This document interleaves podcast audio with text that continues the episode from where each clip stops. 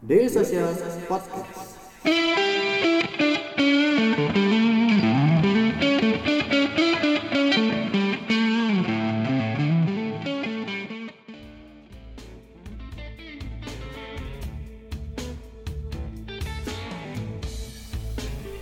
Halo, selamat sore teman-teman Daily Social Podcast. Balik lagi di ngobrolin sarapnya Daily Social Podcast.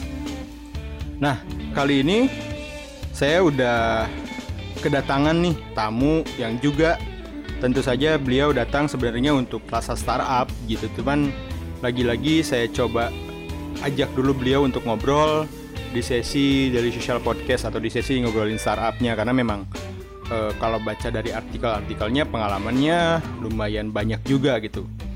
Kebetulan sore ini saya sudah kedatangan Mas Theo Rusli, founder dan CEO dari busticket.com. Halo Mas Theo, Halo, apa kabar Mas? baik, baik. Oke, nah eh, Mas Theo, saya manggilnya Mas Theo aja mungkin ya. Iya, Gitu. nggak apa-apa. Mas, kalau boleh tahu nih Mas, busticket.com itu apa sih Mas? Boleh mungkin dikasih tahu ke teman-teman di luar sana. Oke, iya. Uh, Besticket.com itu uh, adalah suat- salah satu um, online travel uh, Agent? sta- uh, startup, Oke. uh, tech travel kalau kita sebutnya, uh, yang ber- ber- bergerak di bidang uh, transportasi darat, khususnya bis. Oke. Uh, dalam hal ini kita menyediakan end-to-end technology solution untuk seluruh industri bus. Hmm. Untuk seluruh industri iya, bus, oke. Jadi menghubungkan antara bus operator, uh, travel reseller, Oke. maupun juga uh, pengguna end users. Oke. Jadi semuanya itu di dalam satu platform, Hmm, sehingga memudahkan uh, konsumen untuk booking bus. Oke, ber- berarti busticket.com ini apa ya bergerak di bidang online travel eh, eh, online travel agent mungkin ya Mas ya? Ya, on, um, ya teknologi uh, travel tech startup. Oke. Nah, Mas mungkin langsung aja mungkin ya Mas ya karena saya juga sudah tidak sabar nih ngebahas agak gergetan nih Mas dari sore nih Mas. Iya, iya. Begitu tahu bahwasannya hari ini kita mau kedatangan dari busticket.com. Nah, sebagai yang kita tahu nih Mas, bahkan ya mungkin sudah awam, sudah sudah masyarakat juga sudah banyak yang tahu gitu bahwasannya di bisnis ya kita katakan bisnis OTA ini sudah banyak pemainnya Mas. Dan bahkan katanya sudah banyak juga, sudah ada beberapa yang termasuk kategori unicorn nih Mas. Betul. Nah, gitu. Nah, sekarang cukup menarik kalau misalkan kita membahas tentang busticket.com. Sebagai startup yang hidup nih, Mas, di tengah eh, himpitan pesaing yang cukup ketat, bahkan ya boleh dibi- dibilang eh, cukup besar-besar juga gitu. Bagaimana sih strateginya dari Busticket ini untuk tetap bertahan di dunia bisnis ini, Mas?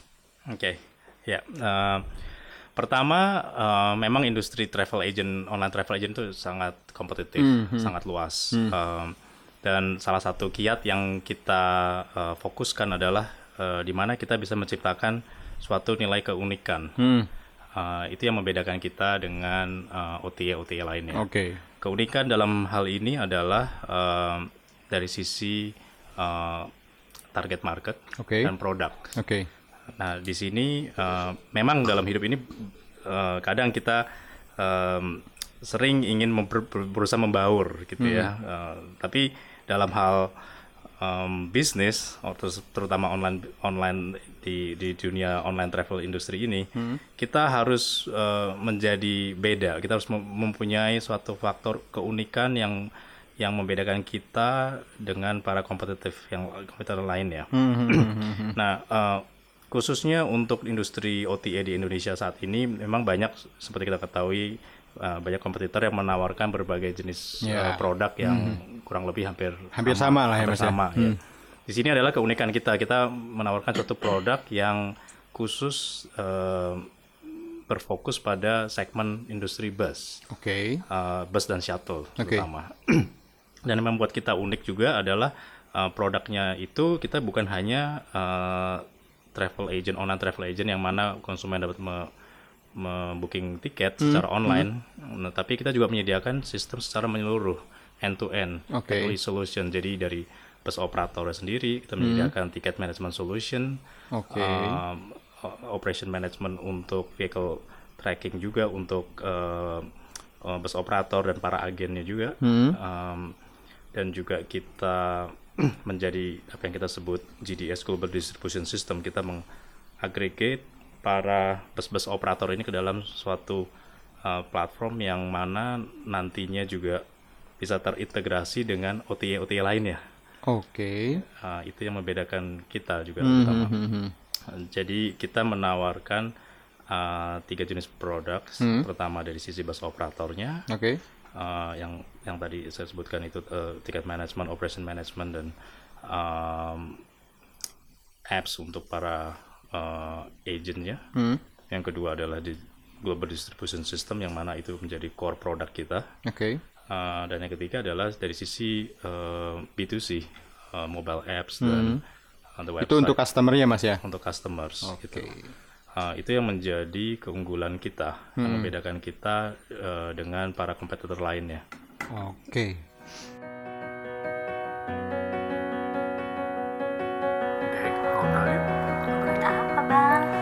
Startup bareng media sosial.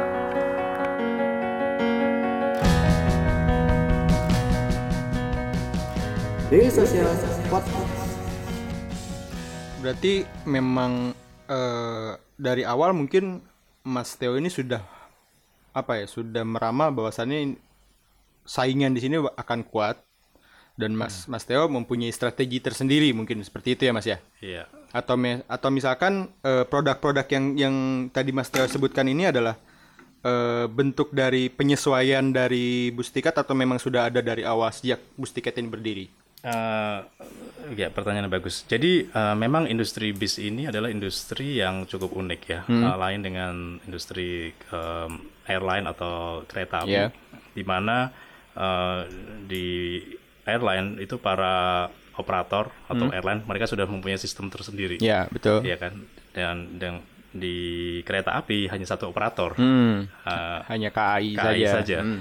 Sedangkan untuk bus eh, ini agak unik karena di Indonesia ini ada sekitar hampir 1000 bus operator, Oke. baik private maupun eh, public Hmm. yang mengoperasikan dan mereka itu sangat highly fragmented tersebar Di berbagai di daerah berbagai daerah Oke. dan kebanyakan masih konvensional. Oke. Jadi untuk menyatukan semua ini ke dalam satu platform Hmm. tidak mungkin jika mereka hanya masih menggunakan cara Konvensional ya, betul.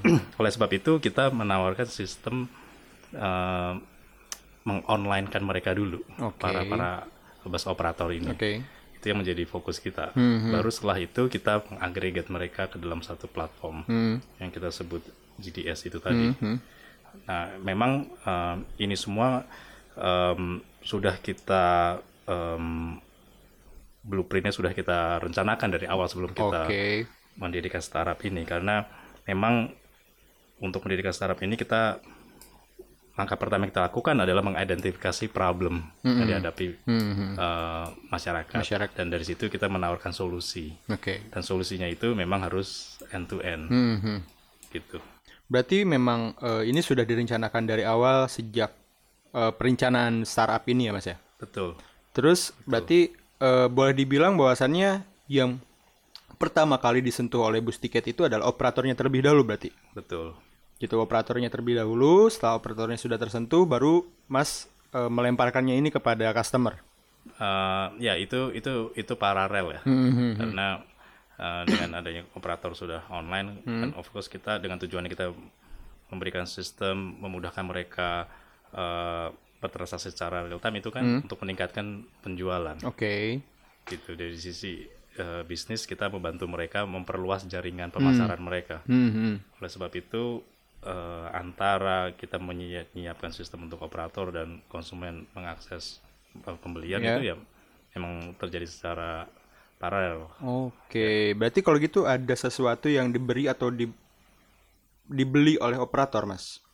Hmm, Software kah atau apakah? enggak dalam hal ini enggak kita kita berikan secara Secara cuma-cuma. secara cuma-cuma. Jadi Mas mengajak mereka untuk bekerja sama dan Mas memberikan ya kita katakan fasilitas lah ya Mas ya. Betul. Gitu. Itu dalam bentuk software, Mas. Eh, iya sistem. Oke.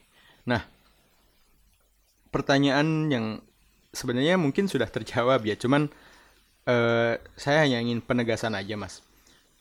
Nah, sekarang kalau misalkan berbicara lagi tadi tentang persaingan, apa ya? Kalau dibilang tentang, kalau kita berbicara tentang peperangan, senjata apa sih, Mas, yang jadi andalannya di eh, bustiket.com ini untuk menghadapi persaingan di bisnis yang OTA yang cukup ya kalau diboleh dikatakan ketat ya ketat sih mas gitu Oke. um, jadi memang di bisnis uh, bus ini uh, agak sedikit unik karena um, sekali lagi memang bus operator itu um, industri bus ini masih konvensional. Jadi um, pertama uh, networking itu penting juga. Oke. Ya, Betul. uh, dan karena kan mereka ini um, ber, dari bisnis konvensional, um, ke kecenderungan mereka untuk switching around uh, sistem itu sangatlah Agak sulit ya mungkin. agak sulit ya. Itu yang menciptakan barrier to entry-nya cukup tinggi. Uh, di mana dalam hal ini kita sudah memprovide sistem dan lain sebagainya itu yang menjadi salah satu uh, keunikan kita. Oke. Um, lain halnya jika kita menggunakan sistem sekarang um, apa pun yang yang yang ada di di luar sana lah, Iya. ya kan siapa aja yang ngasih promo Oh ya, uh, kuat-kuatan di iya, promo ya Mas ya. iya, user dengan gampang dengan mudahnya beralih Hmm, satu sama lain. Oh. Tapi dalam hal ini uh, untuk para bus operatornya uh, itu bukan sesuatu yang yang uh, mudahnya untuk switching around Hmm, gitu. Nah itu yang pertama. Yang kedua em, dari sisi uh, sistem sendiri juga em, kita menyediakan menawarkan produk-produk uh, atau, atau tools yang em, tidak dimiliki oleh kompetitor lainnya. Oke. Itu itu menjadi Oh. salah satu kelebihan kita juga. Oke, berarti itu yang menjadi senjata andalan saat ini ya Mas Iya. ya, yang membuat tiket eh, bus tiket ini terus bertahan sampai sekarang. Nah, sekarang kalau tadi sudah berbicara tentang eh, persaingan dan strategi. Nah, sekarang saya pengen tanya nih Mas. Selama bustiket.com ini ada, bagaimana sih cust- customer behavior di dalam bisnis OTA ini Mas? Yang sudah dijalani oleh bustiket.com ini? Ya, em, jadi em, konsumen eh, bis ini memang eh, agak sedikit berbeda dengan konsumen eh, airline ataupun kereta. Mungkin kereta agak sedikit mirip ya. Eh, bis mereka sangat eh, price sensitif pertama itu Oke. ya kan dan juga customer behaviornya uh, juga bisa kita bagi menjadi dua segmen antara yang regular commuter yang Oke. mereka sering uh, commute uh, regular basis atau yang hanya untuk leisure Oke. Uh, di sini juga uh, price sensitif itu untuk kedua segmen ini sangat berbeda juga Hmm, hmm, hmm. itu yang uh, satu yang yang paling uh, mungkin lebih menonjol dibanding yang lain Hmm, hmm. ya kan.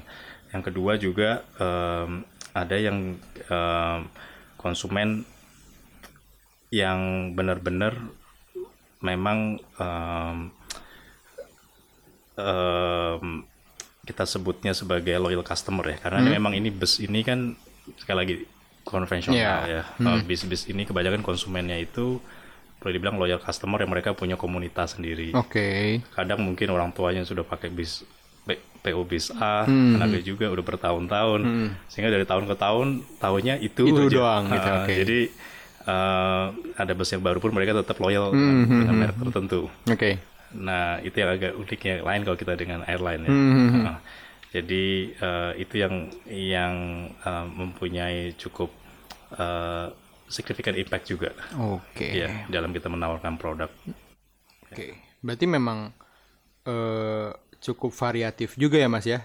Jadi karena memang ya yang namanya bis juga kan tidak semuanya istilahnya ya tidak semuanya nyaman dengan bis akhirnya kan ber- beralih ada yang seperti itu ya Mas ya. Ti- Kecuali seperti yang tadi Mas katakan ada yang loyal dari dari orang tuanya naik bis anu sehingga anaknya juga bertahun-tahun pakai bis anu terus gitu. Saya saya bahkan cukup amazing juga ada juga yang seperti itu ternyata gitu kan. Gitu.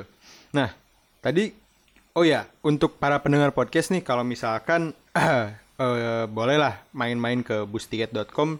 Di sana juga begitu saya sempat cek-cek juga ternyata banyak eh apa ya?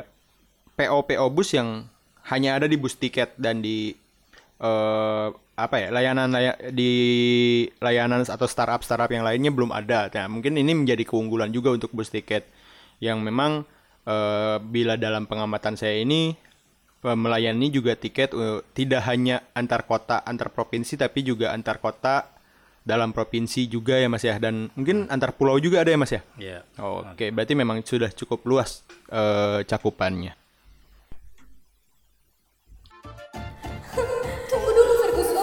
Ada apa? Ngobrol startup belum selesai. Nah, balik lagi nih, masih ngobrol dengan Mas Theo Rusli dari uh, bustiket.com. Nah, Mas tadi sudah berbicara tentang bagaimana bus tiket ini ber apa ya? Eh bertahan di dunia bisnis OTA. Tadi saya sempat ngedengar bahwasannya di eh, awal-awal pembicaraan kita ada ada ada berbicara tentang keunikan dari sebuah startup gitu.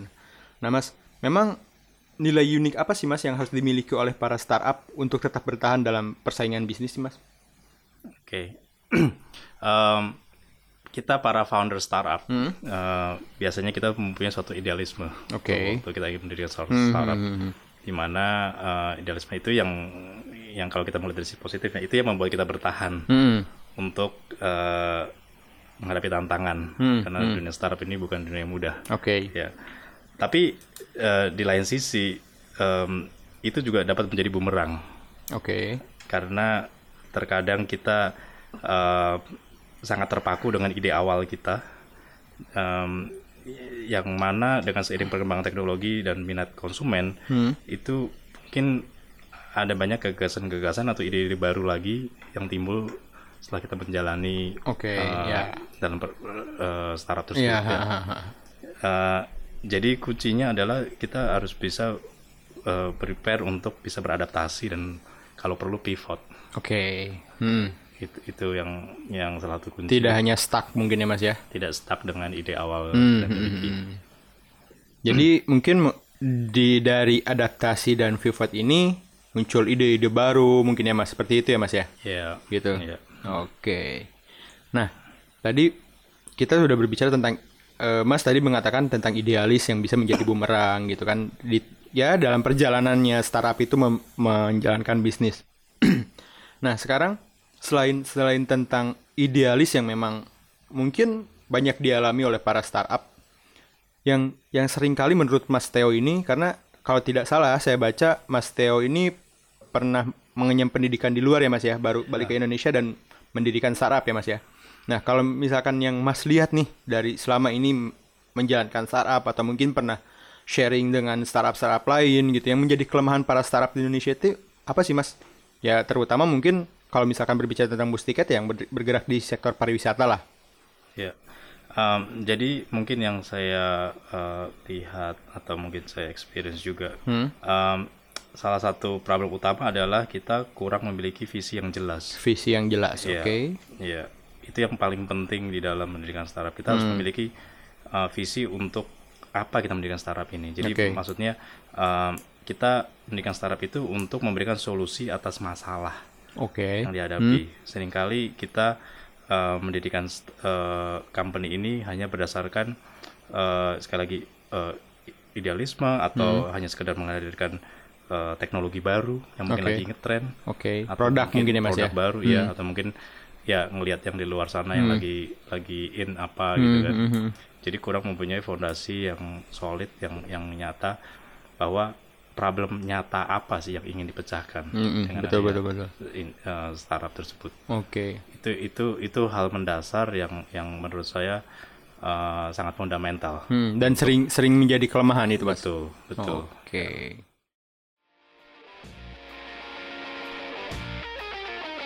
Jangan lupa subscribe Ngobrolin Startup Daily Social Podcast di SoundCloud, Spotify, atau aplikasi podcast favorit kamu. Berarti memang balik lagi ke awal mungkin kalau misalkan berbicara tentang startup ya kita harus eh, tahu dulu masalahnya dari mana dan kita harus juga tahu secara clear bagaimana masalah itu bisa diselesaikan mungkin gitu ya Mas ya. betul Gitu. Eh, Nah, mungkin terakhir aja nih Mas. Eh tadi saya cukup cukup, cukup menarik sih pembicaraan kita ini. Saya ingin mendengar nih saran atau pesan lah atau tips and triknya lah untuk para startup di luar sana, untuk para pendengar podcast yang memang eh, sering ya kalau kita katakan selama ini kebanyakannya dari pelaku startupnya sendiri atau bahkan ada juga eh, karyawan-karyawan swasta yang ingin atau punya minat untuk eh, mendirikan sebuah startup gitu. Mungkin ada pesan atau ada saran atau tips and triknya dari Mas Theo ini. Iya, jadi eh, tips dari saya adalah pertama yang tadi saya sebutkan itu adalah kita harus memiliki eh, visi yang jelas, memiliki solusi yang jelas untuk eh, masalah yang akan kita pecahkan di dalam pendidikan startup. Jadi itu langkah pertama yang harus di yang jelas dulu visinya kita mau mau eh, untuk apa. Oke. Yang kedua adalah kita harus fokus eh, terhadap konsumen kita, Oke. karena konsumen itu memiliki kebutuhan dan keinginan berbeda-beda. Oke. Jadi untuk itu kita harus mengerti tipe-tipe konsumen apa dan bagaimana cara eh, menyingkapinya untuk memberikan eh, pelayanan terhadap konsumen, Oke. konsumen tersebut. Yang ketiga adalah em, eh, diversifikasi gitu. Di sini menciptakan keunikan. Oke. Eh, di sini em, sangat penting Hmm. eh, karena eh, terutama di dalam in- in online travel agent ini Hmm. industri sangat kompetitif dan em, cukup banyak yang menawarkan produk yang serupa. Hmm, hmm. Jadi kita harus benar-benar uh, Unik ya, Mas, ya? uh, iya, memiliki nilai yang unik. Hmm, hmm. Yang keempat adalah kita harus ber, ber, ber- um, uh, prepare untuk uh, beradaptasi dan pivot tadi. Oke. Seandainya uh, ide awal yang kita jalanin ini um, kurang berjalan mulus atau ada yang lebih lebih baik, kita harus um, uh, uh, beradaptasi untuk mengikutinya. Oke. Bukan berarti kita nggak nggak fokus, ya. Hmm, hmm, cuman kita harus uh, jangan stuck. Ya, dari karena awal. ya di dalam perjalanannya belum tentu mulus ya, Mas ya. Betul. Ya. Dan yang ke terakhir mungkin menurut saya adalah eh, kita harus menempatkan orang-orang yang tepat, orang-orang dengan eh, pemikiran yang sejalan, sevisi dan bisa ber- membantu kita untuk berpikir, Hmm. mengembangkan ide-ide kita. Karena menghadapi persaingan startup ini tidak mungkin kita mengerjakan ini semua sendiri. Ya, Kita harus punya tim yang solid juga. Oke. Ya. Ada lima poin nih eh, saran atau ya pesan dari Mas Theo untuk teman-teman atau ya untuk pribadi saya sendiri terutama dan untuk teman-teman pendengar podcast di sini. Yang pertama adalah visi dan solusi yang jelas. Terus yang kedua mungkin fok- fokus konsumen atau kita katakan sebagai customer customer centric ya Mas ya. Betul. Bukan produk centric ya Mas ya. Terus yang ketiga ada diversifikasi atau keunikan. Kita harus eh, sebagai startup itu harus punya keunikan di antara produk kita atau misalkan ya yang menjadikan keunggulan untuk kita.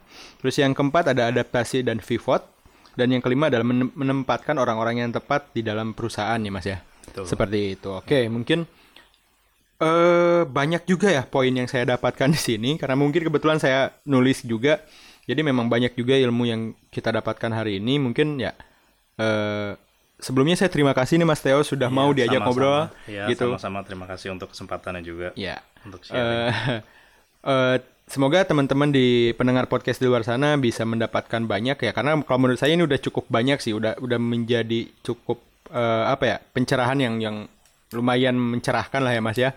Gitu semoga teman-teman di luar eh, pendengar podcast di sana bisa mengambil pelajaran dan juga semakin bersemangat untuk mendirikan sebuah startup. Mungkin gitu aja Mas Theo. Oke, Terima ya, kasih untuk terima ini. kasih.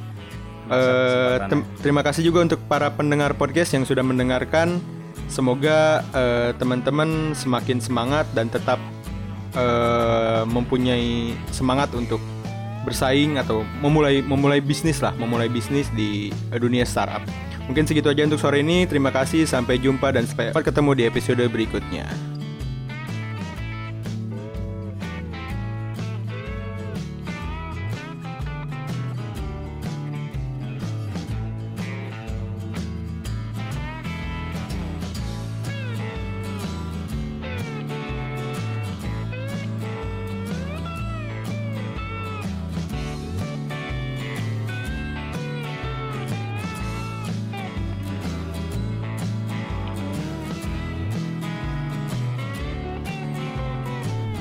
Keep in touch bersama kita di dailysocial.id untuk website kita. Di Facebook kita ada dailysocial.id, di Twitter kita ada @dailysocial dan di Instagram kita ada @dailysocial.id. Di LinkedIn kita ada Daily Social dan di YouTube kita ada Daily Social.